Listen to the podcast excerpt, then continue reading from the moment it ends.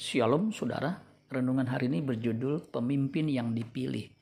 Mazmur 78 ayat 20 sampai 72. Ayat 70 sampai 72.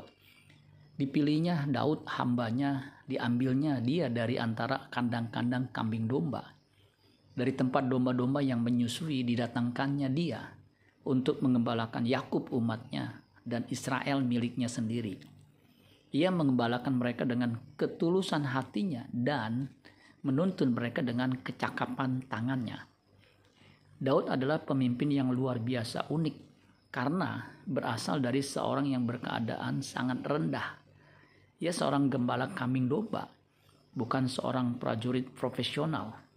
Bagaimana bisa menjadi seorang raja besar?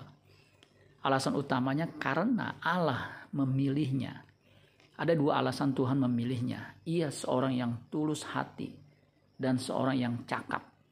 Terjemahan net mengatakan David care for them with pure motives. He led them with skill.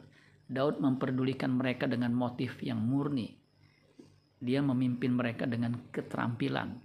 Terjemahan King James mengatakan, So he fed them according to the integrity of his heart and guided them by the skillfulness of his hand. Jadi ia memberi mereka makan sesuai dengan integritas hatinya dan membimbing mereka dengan keterampilan tangannya. Seorang yang punya integritas dan keterampilan adalah modal seorang pemimpin yang dinantikan orang banyak. Apa pun latar belakang hidupnya. Ada pemimpin dari latar belakang pengembala kambing domba, tukang mebel, pelawak, dan dancer bekas anggota agen rahasia, dan lain sebagainya.